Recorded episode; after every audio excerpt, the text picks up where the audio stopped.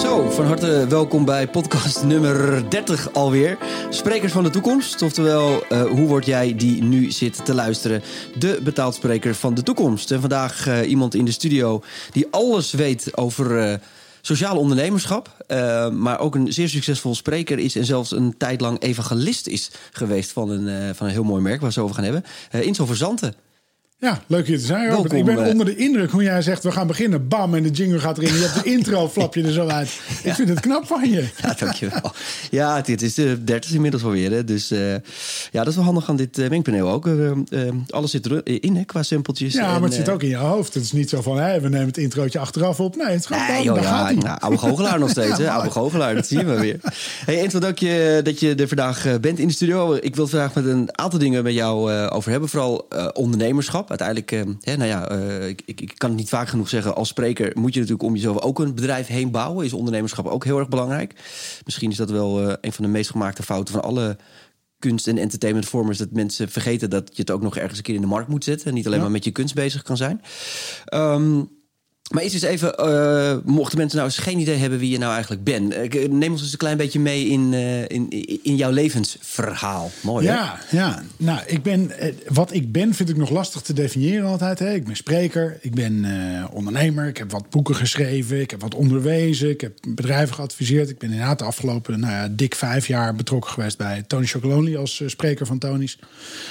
En uh, mijn, mijn levensverhaal in een notendop is uh, dat ik in een ver verleden economie heb gestudeerd. En uh, toen ben ik gaan werken voor een grote adviesclub.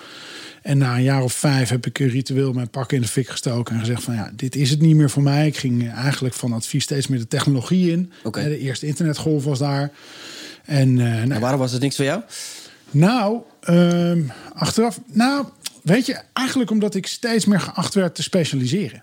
Werd vooral door technologen beoordeeld. En dan moet je steeds specialistischer worden. En ik denk gelukkig dat er nu in 2020 steeds meer plek is voor uh, generalisten. Uh, omnipotentialites, maar dat is een hele andere definitie denk ik. En, en in die tijd dacht ik, ja, weet je, ik wil die brug blijven slaan. Want volgens mij is dat hetgene wat ik in mijn leven altijd doe. Die brug slaan tussen iets zien, me erover verwonderen en het vertalen naar wat mensen daarmee kunnen. Dus destijds was dat bijvoorbeeld uh, uh, in de hele internetgolf. Hè, wat kunnen we doen? Ik ben toen betrokken geweest voor uh, Nederlands grootste vliegmaatschappij over inchecken, online inchecken, die kiosken. Maar ik merkte toen dat ik eigenlijk steeds Omdat meer... het digitaliseren, zeg maar, dat ja, hele proces. Ja. Ja, ja. En ik merkte dat ik steeds minder met de business aan het spreken was... en steeds meer met de techneuten die erachter zaten. En ik wil juist die, die brug altijd blijven leggen. Ja, precies. Dus dacht ik, nou, ik, dus ik, als het technisch wordt, dan uh, stap jij uit. Ja, en ik snapte het toen wel degelijk. Ja. Maar, maar ik, wil, ik wil juist in die toepasbaarheid ook zitten... en niet alleen maar in de techniek erachter. Dus toen, uh, ja, het, en het begon te jeuken, weet je. Ik ben een goudvis... Dus op een gegeven moment houdt mijn concentratiespannen op. Uh, en ben ik, uh, nou, heb ik, ben ik om de wereld gaan reizen. Mijn pak in de fik gestoken, uh, om de wereld gaan reizen. En daar eigenlijk... Ontslag genomen en je bent in het vliegtuig gestapt. Ja, en daar, daar kom ik al heel snel eigenlijk... Waar je wel je eigen technieken weer kon gebruiken. Dan, ja, ja, ja, precies. Maar, maar, en daar liep ik al heel vroeg weer. Op die reis liep ik tegen mijn volgende stap aan. Want, want ik kwam in... Um, in Belize. Want, hoe, hoe, oud was je? Waar, waar hebben we het nu over? Zeg maar? Welke levensfase had je toen? Oeh, moet ik dat heel snel rekenen. 2004 ongeveer was dit volgens mij. 2003, okay. 2004.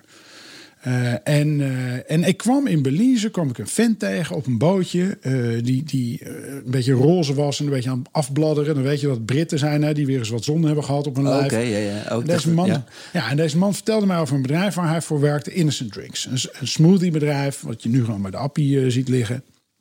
Um, en dat was we hadden in die tijd, Robert, hadden wij pakken appelsientje onder in onze kast liggen. Hè? Als we gasten hadden, was dat eh, iets heel moois wat je aan ze kon geven. Verse sap hadden wij helemaal niet in de supermarkt. Nou, dus dit, dit vond ik fantastisch. Dit was een jong, energiek, duurzaam bedrijf.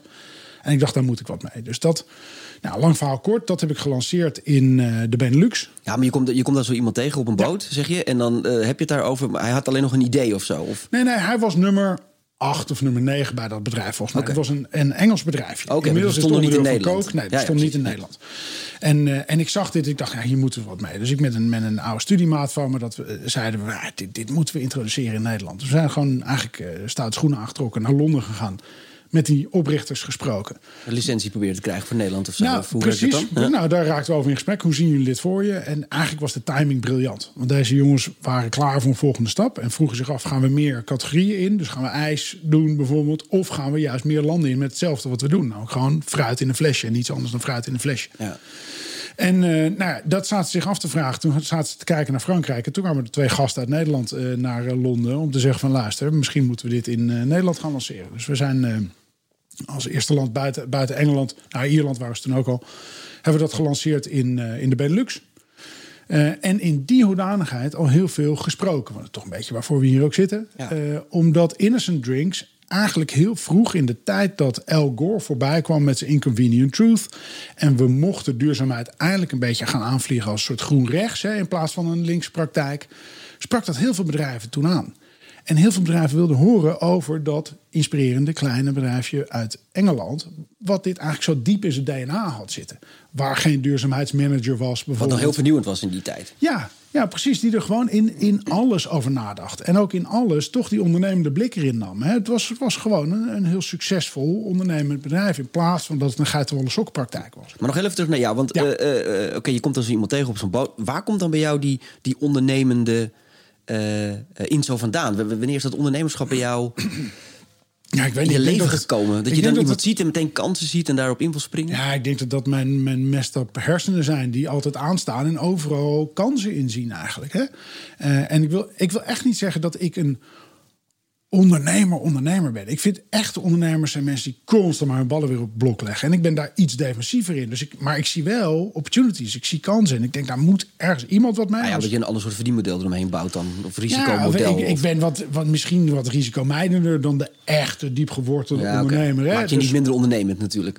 Nee, maar ondernemen is niet per se alleen maar winkeltje runnen. Nee. Ondernemers volgens mij een bepaald gedrag vertonen. Precies, Eh, ja. En kansen zien. En die willen vertalen naar toepasbaarheid. Dus dat, hè, dat is weer die brug slaan die volgens mij bij mij altijd die rode draad is. Ik zie iets en ik denk, oh, dat kan daar heel goed een plek vinden. Of dat, dat Maar eigenlijk ben je dan ondernemer puur zang. Want ik denk dat juist de, de, de grootste fout van heel veel ondernemers is, is, is om maar een beetje een soort, hè, zo, een soort ideaalbeeld te hebben van oké, dit is ondernemen. Ik heb een idee en dan moet ik dat op die manier gaan uitvoeren. Maar jij weet eigenlijk al heel erg goed waar je eigen kracht ligt en wat je wel leuk vindt en wat je niet leuk vindt. En daar bouw je dan Nou, een en ik model probeer omheen. dat mijn rode draad te laten zijn, dat, Ja. dat ik het leuk vind. Ja.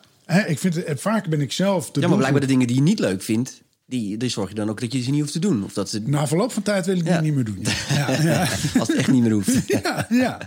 Ja, wat, wat, wat- wat- wat maakt nou een goed ondernemer, vind jij? Het de- ik, denk, ja, ik denk dat dat. Ja, ik denk dat dat toch zit in energie, in passie. Ik, ik- hè, dat, het geldt voor mij hetzelfde als, als spreker. Het, het zit. Dat is mijn volgende vraag hoor. Wat, maakt, wat maakt een goed spreker? Ja, maar precies. maar waar zit de kracht van een goede ondernemer in? Dat is toch dat het bruist, weet je? Dat er een sizzle is. Dat het, dat, en dan maakt eigenlijk de rest allemaal niet meer uit. Want dat je ook mensen moet aanzetten natuurlijk. Hè. Dat, dat, eh, als je mensen wil meekrijgen, zal je ze toch moeten activeren. Ja, en als je ergens diep in gelooft, hè, als je ergens echt diep in gelooft, dan komt dat volgens mij vanzelf. Dan neem je die mensen mee op wat voor manier dan ook. Dan kan je introvert zijn, dan kan je extrovert zijn, dan kan je een, een minder makkelijke spreker zijn, maar als je, of, of, minder eh, vanzelfsprekend bruisende ondernemer zijn. Maar als je ziet dat die passie er zit en dat iemand iets echt graag wil. En in mijn geval hè, wa- was je in je intro, zei je al, sociaal ondernemerschap. Ik denk dus wat dat betreft dat een echte ondernemer altijd nog een verdere blik heeft dan alleen maar geld genereren. Dat gaat echt over een betekenis genereren. Dat gaat over een plek vinden in het hele ecosysteem waarin je echt van waarde bent. Waarin je eh, in, dienst staat van ook anderen om je heen. En ik, ik geloof bijna niet dat het echt alleen maar zit in geld. Nee, eh, nee, sterker nog. Maar ja, g- kijk, ik vind dat wel interessant wat je zegt. Want ik vind dat hele duurzaamheid aspect. Ik, je weet, ik ben er ook voorstander van. En ik, ik ben heel erg nieuwsgierig hoe, hoe die ontwikkelingen zich gaan vormgeven in de wereld. Alleen wat je ook wel veel bij merken merkt, is dat het een beetje een soort marketing dingetje aan het worden is. Ja, hè? dat gaat niet goed. Nou ja, is, Ja. Is, is het dan nog wel echt of Nee. niet? En daar moet je denk ik, ja, kijk, uiteindelijk zijn we natuurlijk. Zit, zit, zit, zit commercie ook nog steeds wel heel erg in onze En generatie. dat is prima. En we mogen zo commercieel als de pest zijn. En dat is precies eigenlijk de ondernemer waar ik de afgelopen 10, 15, 20 jaar bij betrokken zijn geweest. Waren juist ondernemingen die inzagen dat het niet een of-of is. Het is niet eh, een balans vinden tussen duurzaamheid en geld verdienen. Het zijn juist ondernemingen vaak geweest. En zeker Tony Chocolonely is daar natuurlijk een prachtig voorbeeld van. Waarbij je ziet dat een heel impactvol bedrijf, juist door die enorme focus op een verschil maken, op impact maken, rete commercieel succesvol werd. En als je rete succesvol bent, financieel gesproken, dan kan je daar juist heel veel impact mee maken. Dus ik denk juist dat kracht zit in die twee dingen helemaal vermengen met elkaar. Ja, je hoeft het niet los te zien van elkaar. Nee, je mag juist rete commercieel zijn. Als je daar een groot verschil mee kan maken, prima. Ik had laatst een hele discussie op LinkedIn met iemand ook die, die zei hè, van ja, eh, de Tony's was toch allemaal alleen maar commercieel succes. Zeg ik, ja, maar wacht even, als elk bedrijf op die manier zo commercieel succesvol zou zijn en tegelijkertijd zoveel zou doen aan impact, impact maken, maakt, ja. prima. Dan hebben we toch al een betere wereld gecreëerd met elkaar. Ja, 100% mee eens. Hey, wat, voordat we even over Tony verder gaan. eh, Ja. hoe, hoe is het spreken in, jou, eh, in jouw leven terechtgekomen? Hoe is dat op je pad gekomen? Want dat deed je al voor Tony. Ja, en ik denk dat het altijd een beetje in me heeft gezeten. Ik denk dat ik gewoon een geboren... Terwijl je praat niet makkelijk. Ik kijk die man aan, luisteraars, en ik denk, meent hij het nou? Eh, ja, weet je, ik vind, het, ik vind het leuk, zoals je merkt aan Ja. om dingen uit te leggen. Ja. Om, om dingen waar ik zelf gepassioneerd over ben, om dat uit te leggen. En dat heb ik denk ik altijd gehad. Weet je, als ik één ding heb wat een rode draad in mijn leven is, zijn bij beoordelingsgesprekken horen dat ik moet leren tot tien te tellen. Ja, ja, iets- dat iets kan ik minder gewoon niet. praten, Ja, misschien iets minder te praten. Nou, dat is wel een leerpunt in mijn leven, eerlijk Oh, gezegd. Om iets beter misschien de rust te nemen, te luisteren allemaal. Ja, heb je dat ook op het podium? Is dat iets wat je op het podium ook eh, meer zou moeten werken? Nee, misschien juist dan niet. Want mijn energie zit volgens mij in het, in het energiek brengen op het Ja, ja. podium. Maar je moet oh, misschien wat in het dagelijks leven wat minder de spreker zijn. zeg Dagelijks maar. leven iets minder de spreker Ja, zijn. En misschien dat hebben, ook... dat hebben bijna alle. Dat hebben coaches ook. Hè. Eh, ik ken genoeg coaches ook in die privéleven het heel moeilijk vinden om dan de coachknop uit te zetten. Hè. Om gewoon eens een keer een luisterend oor te hebben zonder direct een oplossing voor dingen eh, aan te jagen. Eh, dus ja, dat, luister, en ik pretendeer ook zeker niet om dat ik daar heel goed in ben. Weet je, dus het- ik heb echt nog een leercurve. Ik vind het heerlijk dat ik op mijn vijftigste nog leer. Eh, en ook dit soort dingen nog steeds kan leren. Want eh, weet- kan je je nog de eerste keer herinneren dat je een podium op moest klimmen om een verhaal te vertellen? Nou, de allereerste keer was toch denk ik stiekem, zeg maar... En dat, was wel, dat is nog wel een geestige anekdote. Hij popt nu pas op in mijn hoofd. Dat is lang geleden. Nou, is de musical van de zesde klas lagere school. Toen dat musical... Ik was... eh, Einde jaar, einde musical. ja, of, eh, ik ja. werd, nee, ja, eindmusical. Eindmusical, ja, ja, ja. Ik werd de burgemeester in de musical. Waarom? Omdat ik niet zo goed kon zingen. Dus ik had de hoofdrol, omdat ik het minste hoefde te zingen en het meeste moest praten. Oh ja. Maar ik denk dat het op professioneel vlak. Ehm, nou, het is, het is wel geboren, denk ik, ook in, tijdens mijn studie. Ik, ik stoorde me wel altijd een beetje aan hoe weinig we eigenlijk presteren in Nederland. We leren dat niet op school of op universiteit. Om op het podium te staan? Nee, we Nee. doen het heel weinig. Dus toen ik later ook docent werd, liet ik mijn studenten heel veel presenteren. En gaf ik ze ook een presentatietraining, omdat het zo nuttig is. We- waardevol eh, tool Het is zo hebben, waardevol. ja, Denk, Waar je ook, hè, als je ergens gaat solliciteren zo, ben je toch jezelf aan het presenteren. Tuurlijk. Nou, dus ik, ik denk dat het professionele werd echt bij eh, de jaren Innocent Drinks. Eh, en de, de bodem is gelegd vanuit de studententijd. om, om je verhaal te vertellen. Ja, omdat iedereen wilde horen over waarom is dat bedrijf zo aansprekend, waarom is het zo succesvol. En, en vanuit die hoedanigheid sprak ik heel veel. En ben ik me er ook verder in gaan verdiepen. Hè, toen ben ik pas eigenlijk de achtergrond van spreken een beetje gaan bekijken. Ben ik TED-talks gaan bekijken op een technische manier van wat, wat doen mensen nou, wat zijn nou de ingrediënten daarvan. Dus je, bij jou is het eigenlijk andersom gegaan. De meeste sprekers die zijn altijd eerst heel lang aan het onderzoeken voordat ze een keer een podium op durven te springen. Maar jij sprong eigenlijk het podium op en ben je daarna pas gaan interesseren Ja. voor het vak. Ja, ja. Oké. Ja. En wat waren voor jou de belangrijkste leerpunten als het gaat om echt, echt het spreken op het podium? Ja, ik zit nog steeds midden in dat proces voor mijn gevoel. Want het wisselt elke keer. Er zit zoveel voortschrijdend inzicht in voor mezelf. Want wat het is, precies dit is het. het ik denk dat dit ook het traject is waar veel sprekers naar gaan. Dat je kan spontaan op een podium springen en het heel goed doen. Eh, en dit vertel ik ook wel eens in de, in de trainingen die ik bij Tonis ook gaf over spreken. Alleen daar zit heel groot afbreukrisico aan. Want sla je dicht, weet je toch niet, sla je de plank mis. En dan komt het oefenen ervan, eigenlijk. En dan ga je het vaker doen, dan wordt het eigenlijk soms minder goed. Want het wordt zo gescript. En daarna gaat dat weer omhoog. En dan wordt het beter. Dat is een beetje zoals een eh, stand-up comedian. Dat is niet spontaan, dat is geoefend, geoefend, geoefend. Daar zit heel veel oefening in. Ik hoorde laatst iemand zeggen dat als je eh, eh, je tekst pas echt meester bent, dan moet je hem op twee keer snelheid kunnen vertellen. Ja. Dus als je je verhaal Ja. op twee keer de snelheid God, kan die heb ik vertellen. ook gehoord. Was dat Ja, voor mij zag ik bij? Hans Jansen voorbij komen van Denkproducties, volgens mij. volgens Ja. ja. Vond ik wel een interessante tip. Want ik weet nog, ik heb natuurlijk ook jarenlang op het podium gestaan als goochelaar en als cabaretier. En ik wist dat ik op een gegeven moment mijn materie zo meester was. Dat ik, ik kon het ook op hele snelle, eh, eh, heel snel vertellen. Ja. Eh, maar dat wil niet zeggen dat het altijd meteen een lopende bandwerk is. Nee, dat maar, je de- maar het risico ook wel. is dat het het wordt. Hè? Dus het risico is als je het niet genoeg geoefend hebt. Precies. Hè, dat je een grap erin hebt en dan ga je te snel naar die grap door. En dan, dan Maar ja, dan kom je ook een beetje bij dat stukje kwetsbaarheid en authenticiteit. Want dat is altijd een beetje een jeukwoord. Maar ik vind dat wel heel erg belangrijk. Dat zie je bij heel. eh, nou, ik, ik, ik heb Jozef al honderd keer aangehaald als voorbeeld. Jozef Oebekas, ik weet niet of je hem kent, die Marokkaanse jongen. Die, die vertelt lezingen over dat hij ooit in een gevangenis heeft gezeten. Hoe die daarmee om is gegaan. Even heel kort op de bocht.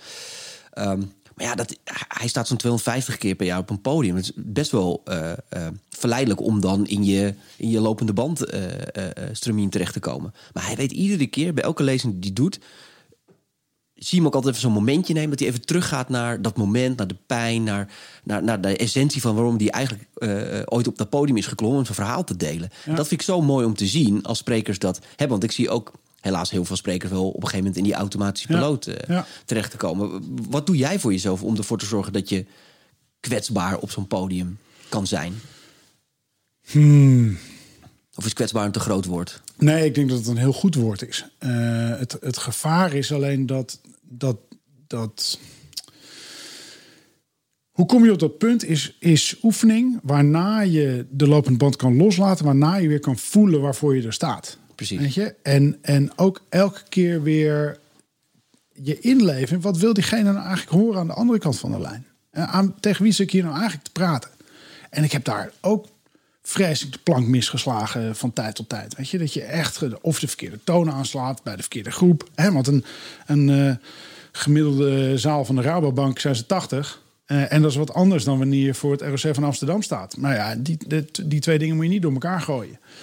Ehm, en ik, ja, weet je... Maar ik, kom je dan, maak je dan een compleet eh, apart verhaal voor verschillende doelgroepen? Of is het juist zo? Is het meer de manier van hoe je ze benadert? Of hoe je Hoe dingen uitlegt? Ik, ik, weet je, mijn verhaal verandert niet van dag tot dag. Er zit wel heel veel actualiteiten in. Weet je, wat, wat neem ik nou mee? Want, want wat ik doe is dus, is dus kijken naar dingen en een brug slaan naar wat kunnen mensen daarmee. Dus als mensen daar wat mee moeten kunnen, ja, dat is afhankelijk van wat zit daar in die zaal. Ehm, maar ik denk juist dat het verschil tussen een gemiddelde spreker of een goede spreker en een hele goede spreker is vaak juist dat je, dat je met een geoefendheid zit, waardoor je het eigenlijk de bagage kan loslaten en kan naar de emotie kan gaan. En kan kijken naar wat willen mensen nou en waarvoor zitten mensen hier. En werkt het vanavond wat ik doe of werkt het niet wat ik doe? En kan je daar dus op tweaken en kan je daar dus meegaan met die emotie. Ja, ik, en toch blijft dit onderwerp me ontzettend fascineren. Want eh, ja, nou, we hadden het erover van wat maakt dan een goede spreker. En het probleem van die vraag is, is dat er gewoon geen antwoord op is. Niet, niet één juiste. Nee. Want eh, eh, wat jij nu zegt is volledig waar. Maar in sommige gevallen. Nou, ik, weet, ik weet bijvoorbeeld, ik heb ooit. eh, nou ja, hij, hij heeft nu niet zo'n hele leuke reputatie meer. Maar met Ali B gewerkt. Ja. Voor, ook voor een Rabobank, voor zo'n ledenavond. Je kent het wel. En. Ehm, ik heb het even over kwetsbaarheid en authenticiteit. hè. Eh, Want ik ben soms van mening dat als je authentiek of jezelf, volledig jezelf kan zijn op een podium, maakt het niet uit wie je voor je hebt staan. Dan zou het moeten aanslaan. En ik heb dat in het geval van Ali B gemerkt. Die hadden we toen staan voor een zaal met 800 boeren die net te horen hadden gekregen dat hun fysieke eh, Rabobank zou komen te verdwijnen. Maar die, dat waren echt nog boeren die met een zakje geld naar de bank gingen. En toen hadden ze Ali B, notabene een Marokkaan uit Almere... hadden ze daar geboekt om te inspireren hoe om te gaan met veranderingen. Nou, ik, toen ik in die zaal stond, dacht ik, dit wordt, wordt kansloos. Ik moest hem interviewen op het podium. Ik denk, dit wordt helemaal niks. Maar die jongen wist op het podium altijd zo authentiek te blijven... zo zichzelf te blijven, dat dat blijkbaar voor elke doelgroep wel leek te werken of zo. Snap je wat ik bedoel? Die- hij, maar hij zal heus wel ergens misschien zijn toon of zijn... Maar waar zit dan die, die magie, zeg maar? Die vind ik onwijs interessant, want die is heel moeilijk Ja. te benoemen. Ja. Maar ook dat, Robert, is dus weer niet dat dat ene werkt. Nee, en dat die precies. ene authenticiteit werkt. Want er kan, er kan een eh, gillend interessante professor op het podium staan. Eh, een van de betere TED-talks. God, weet hij nou, een Scandinaaf eh, die over statistieken praat. Enfin, hè, die kan omgekeerd Ja. staan naar zijn slides toe met een stokwijzer naar zijn, naar zijn slides. Alle dingen die je in een sprekerstraining zou zeggen, dat moet je niet doen, doet die vent. Precies. Hè? En dat doet hij op een briljante manier. Want er zit zoveel energie in. Er zit Maar is dat dan authenticiteit? Of is dat Ja, gewoon getraindheid? Nou ja, de, ik denk de combinatie van die dingen. Want, want nogmaals, je kan een podium opspringen en denken... oh, ik ben gillend authentiek... en dan helemaal dichtslaan als er 500 mensen naar je zitten te kijken. Ja. Dus dan werkt een vorm van geoefendheid wel degelijk. Heb je het wel eens gehad dat je dichtsloeg? Ja, zeker. Dat is wel een tijdje geleden. uh, maar was het blackout of wist je het gewoon echt even niet meer? Nou, ik heb wel eens gehad dat ik gewoon dacht dat ik met mijn getraindheid een heel, een heel nieuw verhaal waar ik zelf wat onwijs interessant vond, zo kon neerklappen. Maar ik toch te veel gebonden was aan de slides die ik bijvoorbeeld op dat moment had en de techniek werkte toen niet. En de slides werkten oh, je, niet. Je, je PowerPoint helemaal, was... PowerPoint is oh. helemaal vernacheld. Dus drie kwart van de slides Ah, waren niet zichtbaar. ja, verkeerde ja, achtergrond, verkeerde, weet ik veel, techniek. Ja, dat was wel even sleuren. En dan sta je ineens naakt op het podium. Dat, dat, dat ja, best figuurlijk. Uh, op Ja, dat maar moment het is naakt op het natuurlijk- podium. ja. En dat is lastig.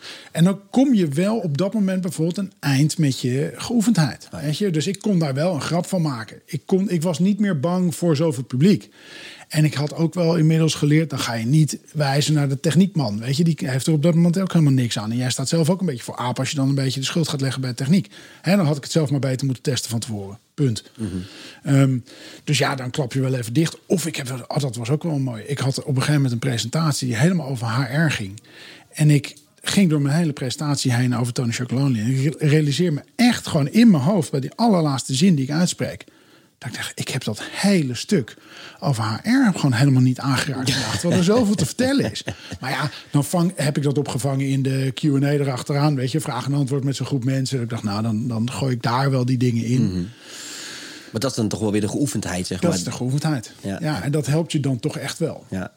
Hey, want ehm, na, eh na Innocent, zeg maar, ehm, ben je toen boeken gaan schrijven of ben je dat al gedurende toen eh, gaan doen? Nee, dat was daarna. Dus ik ben daarna een kakofonie aan dingen gaan doen. Ik ben Mhm. gaan lesgeven op de Hogeschool van Amsterdam. eh, gastdocent TU Delft en UvA. Ik ben bedrijven gaan adviseren. Komt dat wel allemaal voort uit je periode met Innocent Drinks? Of? Nou ja, weet je, overal leg je een nieuwe basis Ja, voor een precies. volgende stap. Maar Ja. op een gegeven moment kreeg ik nog wel eens een keertje die vraag van... waar zie je jezelf over drie jaar of over vijf Oh, ja. jaar? En dan begon ik erover te lachen. Hè, want als je consultancy en toen en daarna schrijven... dan denk je, ja, als je me nu vraagt, ik weet het gewoon niet. Nee. En ik weet niet waar mijn interesse over vijf jaar ligt. Dat is een te verre horizon voor mij. Ja.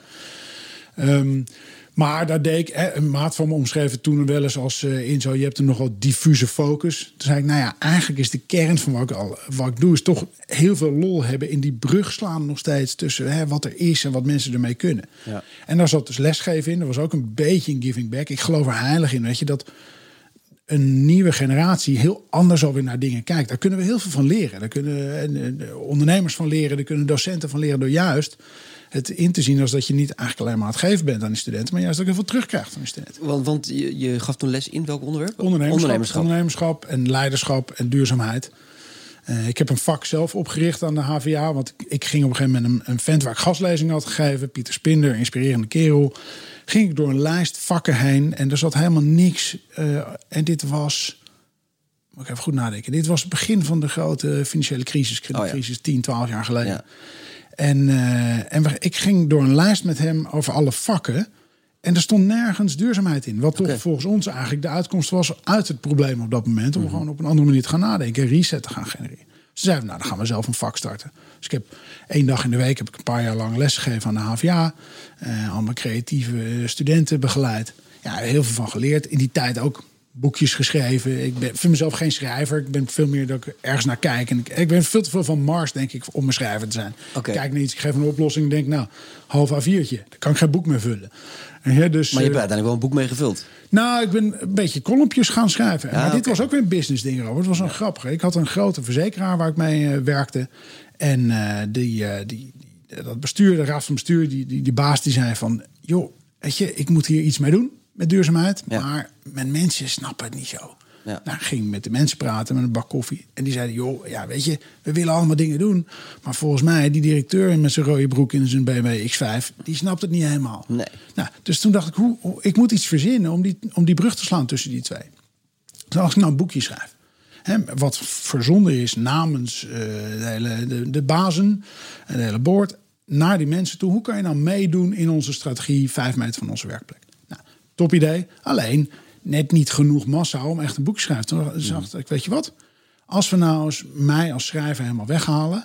en we maken een kaf die personaliseerbaar is voor meerdere bedrijven... Dan kunnen meerdere bazen dit als afzender gebruiken. Ja, precies. En hè, kan, want het waren heel generieke dingen. Dus het was eerst over hoe verduurzaam ik nou alles rondom mijn werkplek. Want mensen hebben gek genoeg een ander gedrag op werk dan thuis vaak. Hè, als het gaat over gescheiden inzameling van dingen of energieverbruik, wat dan ook. Uh, daarna heb ik een keer een boekje geschreven over hoe kan je dan dat mee naar huis nemen. Hoe kan je gedrag thuis aanpassen. En toen hebben we nog één keer een soort sluitpost geschreven. Alles behalve dat. Dus de rest van je leven, behalve thuis en, uh, en op werk. Ja, maar goed, kijk aan de andere kant. En dat vind ik wel weer heel fascinerend. Dus, jij pakt dus eigenlijk... Kijk, we hebben allemaal zo'n bepaald beeld van... Oké, als ik schrijver moet zijn of een boek wil schrijven... dan moet ik dit en, dit dat doen. Uh, maar jij hebt eigenlijk gekeken, ja, maar dat, dat is niet wie ik ben. Dit past veel meer bij mij. Je hebt eigenlijk het concept aangepast aan je eigen talent. Of ja, je eigen, wat, wat je eigen er ondernemers van gemaakt. Ja, maar ja, goed, dat is natuurlijk wel iets wat, waar, wat natuurlijk heel veel mensen vergeten. En ook sprekers vergeten. Uh, is omdat ze te veel dan in standaarden denken. He, van ja, ik, ik moet het op die en die manier doen, want zo doet Remco Klaassen en Ben Tigelaar het ook. Maar dat wil natuurlijk helemaal niet zeggen dat het iets, iets is wat bij jou past. Of dat je de vorm niet kan aanpassen aan wat wel bij jou past. Ja, ja, maar ik ben misschien ook dus een beetje een goudvis, nogmaals. Omdat ja, je ik ook gewoon eigenwijs, natuurlijk. Ja, maar ik zie het en denk, oh, dat is interessant. Geinig, daar moeten we iets mee kunnen. Ja. ja en, uh, maar ja, dan moet je er wel inspringen en er wat mee doen uiteindelijk. Daar, ja. daar gaat het natuurlijk wel om. Kijk, als, de, als er, hè, ik vroeg je dit, wat, wat maakt een goede ondernemer? Nou, volgens mij een van de dingen is wel iemand die het ook daadwerkelijk gaat doen dan uiteindelijk. Nee, dat is eigenlijk dat is het kenmerk, denk ik. Ja, precies. want de rest zijn mensen die erover praten. Ja. Hey, uh, en toen komt Tony's op je pad. Ja. Nou, althans, uh, Tony's had ik al ook in die fase vaak begeleid. als okay. externe. Ja, ja. Uh, want de toen eigenaar van Tony's was de man met wie ik Innocent Drinks runde in Nederland. Die oude studiemaat van me. En die had vaker gevraagd van, uh, wil je meedoen? Ik zei, nou, het bevalt me eigenlijk wel mijn zelfstandige leven. Ja, precies. Maar op een gegeven moment belde hij van, uh, Inzo, ben je druk? Ik zei, ja. En, en, wil je een baan? Ik zei, nee. Maar nu heb ik hem echt voor je, zei hij. En dat was eigenlijk die rol van die evangelist. Verhalen ja. vertellen van Tony's. Die moet je even uitleggen, evangelist. Ja, Tony's is eigenlijk groot geworden zonder enige vorm van paid media. Tot heel recent heeft Tony's eigenlijk geen cent uitgegeven van paid media. Het was allemaal word of mouth. Allemaal verhalen vertellen. Okay. En dat zoveel en zo vaak mogelijk. Dus ja. daar waar we maar konden destijds, stonden we op het podium. Ja. En dat was destijds de, nou, de, de, de, de CMO, de CEO, de eigenaar en nog de ketenregisseur. Een legendarische vent. Maar het werd te druk voor ze. Zeiden ze, daar moeten we een rol van maken. Nou, en denkende wie zou dat kunnen doen, kwam de man op die wel eens een training had gegeven aan Tony's over Ja, ja. public speaking. Die lekker lulde. En die ook het hele bedrijf al kende vanaf Ja. dag één. Omdat ik altijd daar eigenlijk eh, de deur binnenliep. Eh, dus Is dat vanaf dag één ook echt de focus van Tony's geweest? We, doen, we gaan nooit Peter inkopen. Komt het omdat de grondlegger journalisten waren en zeiden van we gaan nooit... Of is dat gewoon iets wat gegroeid is? Het is gegroeid omdat er simpelweg geen geld voor was. Voor grote campagnes. Dus dan moet je creatief worden. Ja, en toen bleek dat Tony's heel goed was, net als Innocent Drinks destijds, in gewoon heel creatief nadenken over je marketing. In plaats van meteen een postercampagne neer te klappen of op televisie te gaan. Eh, en dat was zo succesvol dat dat eigenlijk een, eh, een behoorlijk eh, in graniet geschreven wet was. Nogmaals, tot redelijk recent, waarbij Tony's nu zo hard gegroeid is. Hè. In Engeland, of Tony's is in Engeland heel groot, in Amerika heel groot, in 30, 35 landen beschikbaar. En toen hebben we op een gegeven moment gezegd, nou nu is er misschien wel het punt bereikt om het publiek aan te boren wat niet meer gevoelig is voor alleen maar word of mouth. Dus inderdaad, toen is er een postercampagne geweest in Londen en in Duitsland. Eh, maar, maar nog steeds zit het heel erg in dat verhaal. Want het verhaal rondom cacao en chocolade is indrukwekkend complex. Dus dat is, heeft net iets meer tijd nodig dan de 20 seconden tussen Loekie en het journaal. Precies, ja. Eh, en, nou ja, en, en dat was ik dus eigenlijk jarenlang. Dus jij ging het land in als evangelist Ja. van. Ja. En je ging eigenlijk gewoon... Nou, eigenlijk was je gewoon spreker. Ja, Toch? De, spreekstalmeester van, eh, van Tony's. Ja, volledig. Ik deed 180, 200 eh, talks voor Tony's per jaar. Zo. Eh, en Een hele gekke positie eigenlijk. Ik, ik moet heel erg zeggen dat ik voor eh, dat ik jou heb ontmoet... nog nooit iemand gehoord heb die Nee. in soort van dienstverband was voor een bedrijf als spreker. Nee, en dat vind ik dus ook mega stoer van Tony. Ja. ja dat vind ik, dan moet je ballen super hebben. slim gedaan. Ja, En, en, ja. Want was het dan ook zo dat opdra- opdrachtgevers boekten, hoefden jou niet te boeken, of wel? Moesten ze, moesten ze geld voor jou betalen Nee, we hadden, voor we, een evenement? we hadden een regel dat ze twee repen per persoon afnamen voor mensen die in het publiek zaten. eentje voor zichzelf, eentje om weg te geven, om dat verhaal Oh ja, door te vertellen. ja, ja, ja, en dat is het geniale van het verhaal. Het gaat over het doorgeven van dat verhaal. Ja, het is natuurlijk super. Het is natuurlijk eh, heel erg gek dat nooit iedereen, iemand eerder daaraan gedacht heeft om Ja, gewoon een spreker daar in een dienst te nemen. kracht ligt, Tuurlijk. Ja. ja. want ik bedoel, eh, je hoeft, je, nou, kijk, je moet natuurlijk wel een beetje een aantrekkelijk merk hebben. Want ik bedoel, als jij, weet dat, eh, eh, accountantskantoor, de driehoek bent, hoef je de week Ja, van de dat ligt dus een beetje aan of de driehoek iets op een hele fantastische manier, manier Tuurlijk, tuurlijk, doet. tuurlijk, tuurlijk. Maar je moet wel een beetje die aantrekkingskracht hebben als merk wil een congres zeggen van, nou ja, kom jij maar gratis hier je verhaal vertellen. Want Ja, maar dus nogmaals, het gaat niet om de spreker, het gaat om wat voor verhaal heb je. Ja. Dus je Ja. moet een heel goed Ah verhaal ja, en dan moet je natuurlijk ook wel een verdomd goede spreker zijn. Want als je het één keer ergens doet en het slaat nergens op... dan word je ook niet meer teruggevraagd, om het zo maar te zeggen. Nee, Jij nou, bent natuurlijk dat- ook een fantastische gaat mijn- spreker. Mijn ego gaat natuurlijk nu bruisen Ja, en zeggen... het zit helemaal in de spreker. Ja, geen complimenten geven vanaf nu af aan, joh. Nee, maar het gaat. First en foremost gaat het over dat verhaal. Waarvoor besta je? Waarvoor doe je dingen? En wat is nou de kern van je bedrijf? En als dus accountancykantoor De Driehoek bedenkt... luister, ik ben hier voor meer dan alleen maar het spekken van de rekeningen... van de partners van De Driehoek. We zijn hier, we zijn erachter gekomen dat we een veel grotere rol van betekenis kunnen spelen... in dat hele ecosysteem. Ja, dan heeft ook De Driehoek meteen een fantastisch verhaal. Maar ja, dat is wel iets waar je misschien naar op zoek moet gaan als bedrijf. Als je vergeten bent dat je daarvoor ontstaan bent. Want eigenlijk denk ik dat bijna elk bedrijf wel in zijn oorsprong, in zijn ontstaan, zo'n prachtig verhaal heeft. Nou ja, dit, is ook misschien wel juist de, de, de, de, de ontwikkeling van de spreker... ook misschien wel in, meer in de toekomst. Om wel meer deze rol op je te nemen dan alleen maar te kijken van... nou, we gaan het vanuit commercieel oogpunt bekijken... zoveel mogelijk boeken verkopen, zoveel mogelijk lezingen geven... eh, om je te verbinden aan een concrete doelstelling bijvoorbeeld. Ja. Ja, en we zijn natuurlijk allemaal in principe geprogrammeerd om gevoelig te zijn voor storytelling, hè, voor verhalen vertellen. We, zijn, we, zijn, we zaten eerder met elkaar met onze voetjes rondom het kampvuur of de mangoboom te luisteren naar verhalen, dan dat we PowerPointje elkaar rosten om te vertellen over de cijfers van het afgelopen kwartaal. De mangoboom heb ik echt nog nooit gehad. Nee, nou Eh, vooruit misschien met de voetjes op het kampvuur dan. En, en weet je, dus, dus wat dat betreft denk ik dat elk verhaal of elk bedrijf echt wel een goed verhaal te vertellen heeft. Ik, nou, ik grijp even terug naar mijn, eh, mijn diensttijd. 1994 was een van mijn grootste maten in dienst was eh Johnny Bakker uit Vroomshoop. En dit was een metselaar. En die vent kon zo prachtig gepassioneerd vertellen over schoutjes metselen. Nou man, daar kon ik uren naar luisteren. Ja. En dus, dus dan kun je zeggen, ja, wat kan ik nou vertellen over metselen? Nou, ik Nou, denk dat er een eh, grote carrière voor Johnny Bakker uit Vroomshoop is... om alsnog het podium op te springen en dat verhaal te vertellen. Ja, dat zie je toch ook nu heel veel gebeuren op social media. Ik zag laatst een, nou, ik, ik, ik weet niet meer exact wat voor bedrijf, maar voor mij een schildersbedrijf. Die, wa, die waren allemaal tutorials gaan eh, ontwikkelen op, eh, op YouTube, zeg maar. Gewoon over puur over hoe moet je schilderen. Nou, die zijn helemaal viral gegaan. Het, het was gewoon echt een, een, een, een schilderbedrijfje uit, eh, nou ja, een klein dorpje ergens in Nederland. Fantastisch, toch? Maar gewoon door hun verhaal te vertellen en door met passie ook niet bang te durven te zijn om mensen dingen te leren. Want ik denk dat ook wel de reden van veel corpus bijvoorbeeld er niet voor kiezen om een spreekstalmeester het land in te sturen. Omdat ze dan veel te veel vragen gaan krijgen, ook vanuit de zaal, over verschillende onderwerpen waar ze misschien geen antwoord op willen geven. Ja, of tegelijkertijd, misschien leg je dan dus wel iets bloot... waarbij je erachter komt dat mensen dus heel veel vragen hebben over wat jij doet. Ja, natuurlijk. Een briljante manier Ja. om erachter te komen wat voor vragen er leven. Ja. Want dat was ook voor mij... Ik was natuurlijk bij Tony's altijd de voelspriet in de maatschappij. Want ik hoor achter, achter elke lezing aan... hebben we een vraag- en antwoord momentje. Oké. En dan hoor je, wat leeft er nou Ja, gaf je die feedback ook altijd terug? Ja, Ja. ja. ja. en gelukkig was ik meestal degene die daarna er wat mee moest doen. Vervolgens zo klein was Ja. en in Stony Shock Lonely. Eh, maar ik denk dat dat een hele belangrijke manier is om in contact te blijven met wat leeft nou eigenlijk. Hè, hoe geloofwaardig vindt men mij? Wat voor vragen leveren er? Waar kunnen we dan vervolgens dus iets mee online? Hè, wat kunnen we op onze website uitleggen beter? Wat er kennelijk nog steeds leeft. Hey, heel even technisch, hè? want er luisteren natuurlijk ook veel sprekers naar deze podcast. Hoe heb je uiteindelijk eh, nou zo'n verhaal van een merk waar je dan uiteindelijk voor eh, eh, eh, ingehuurd bent om, om dat te vertellen, of in, in dienst bent, I don't know. Maakt me verder ook niet veel uit. Ehm, hoe maak je nou zo'n verhaal dat het dan ook op het podium ook daadwerkelijk uit de verf komt en dat je er mee mensen mee inspireert? Waar moet zo'n verhaal aan voldoen, technisch gezien? Nou, ik, ben, hoe- ik ben zelf begonnen door gewoon te gaan kijken naar destijds collega's. Helemaal in het begin, hoe vertellen jullie dit verhaal? Wat leeft er nou bij jullie? Binnen tonisch. Binnen je? thuis ben ik gewoon mee gaan kijken. Toen ben ik gaan kijken, oké, hoe maak ik dit dan mijn eigen? Want ik denk dat elk goed verhaal heeft een bepaald stramien. Hij heeft een bepaalde eh, narrative. Er is, er, is een, er is een hoofdpersoon. Nou, dat, is, dat zijn meerdere bijtoners. Maar er zit natuurlijk een journalistieke achtergrond. Maar er zit ook een soort probleemachtergrond. Dus het gaat over het, het gaat over het verbinden in mijn ogen altijd van, van je hoofd en je hart en je handen, zeg ik. Het gaat over wat is er nou voor probleem. Dat is vaak informatie. Maar wat is er nou voor emotie bij? Hè? Dat, is, dat is het belachelijke dat er überhaupt kindslavernij nog zou bestaan... in welk product je dan ook in de supermarkt zou zien.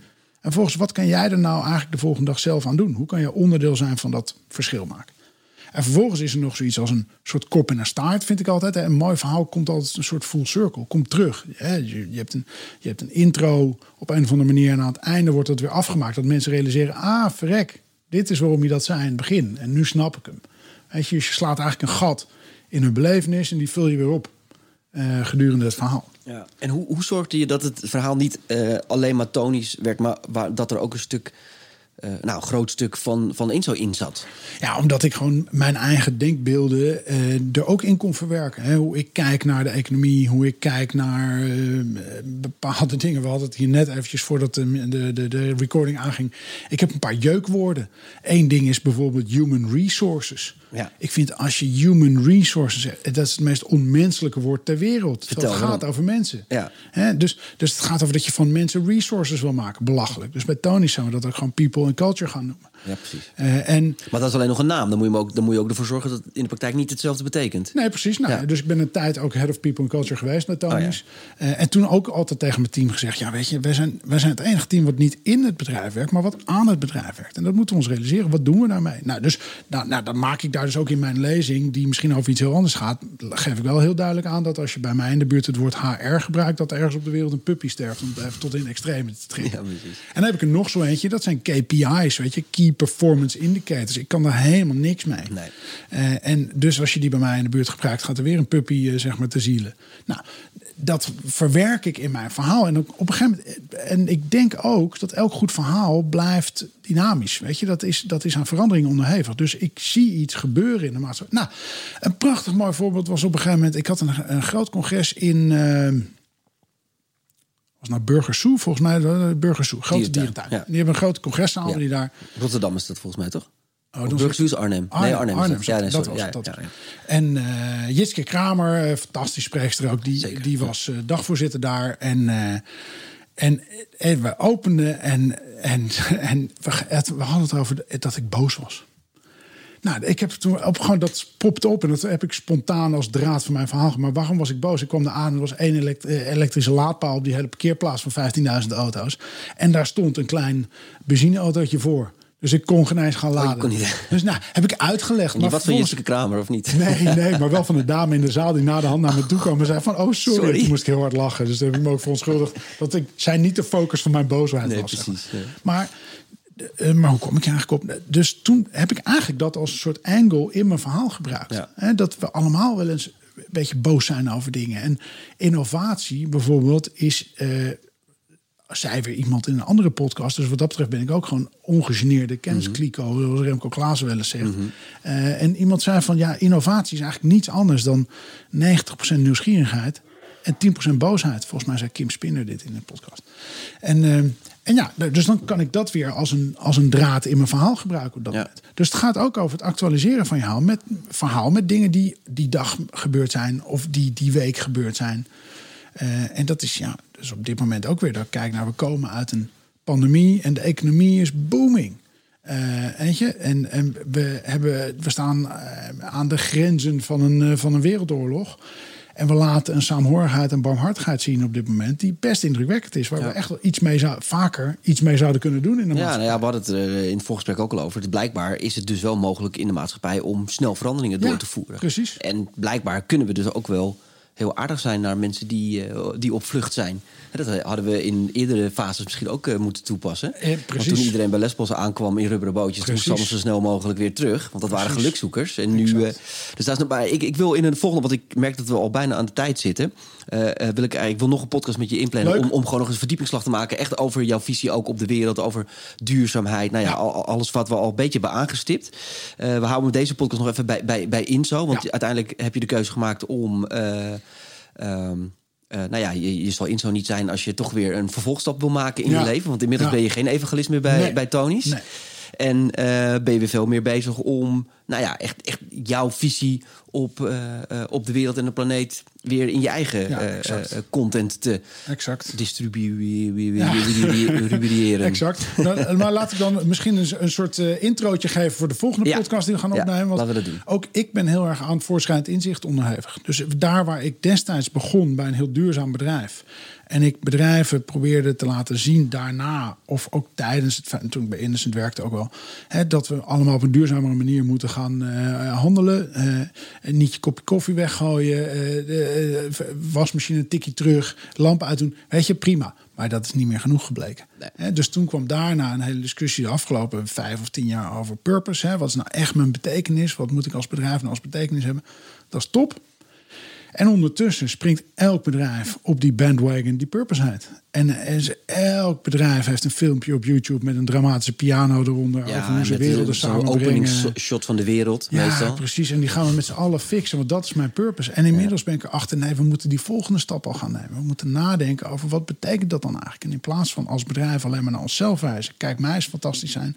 Hoe kunnen we nou een rol spelen eigenlijk in de wereld van de consument? Hoe kunnen we nou zorgen dat de consument zichzelf beter kan ontwikkelen, zichzelf beter kan voelen? Of misschien wel die changemaker in zijn eigen microcosmos kan zijn. Dus ja, dat is omdat het eigenlijk... ook gewoon fucking lastig is voor een consument om het gedrag te veranderen als die corporates dat niet doen. Ik bedoel, uiteindelijk zijn we allemaal afhankelijk van wat er in de supermarkt ligt. Alleen al qua eten bijvoorbeeld. Hè, als je het even op dat eh, niveau bekijkt. En we zijn als consument wel afhankelijk van wat er ook geproduceerd voor ons wordt. En Ja, daar moet je als, en tegelijkertijd zijn we zo ontzettend mondig met elkaar dat we van bottom-up die wereld aan het veranderen zijn. Hè? Ja, maar er moet wel altijd iemand zijn die uiteindelijk dan een keer. Nou ja, we hadden het over de coronacrisis. Dat het dus ineens, hoe heet dat, eh, van de ene dag op de andere dag ineens heel Nederland met een mondkapje loopt. Hè, omdat het dan een soort van opgedragen wordt.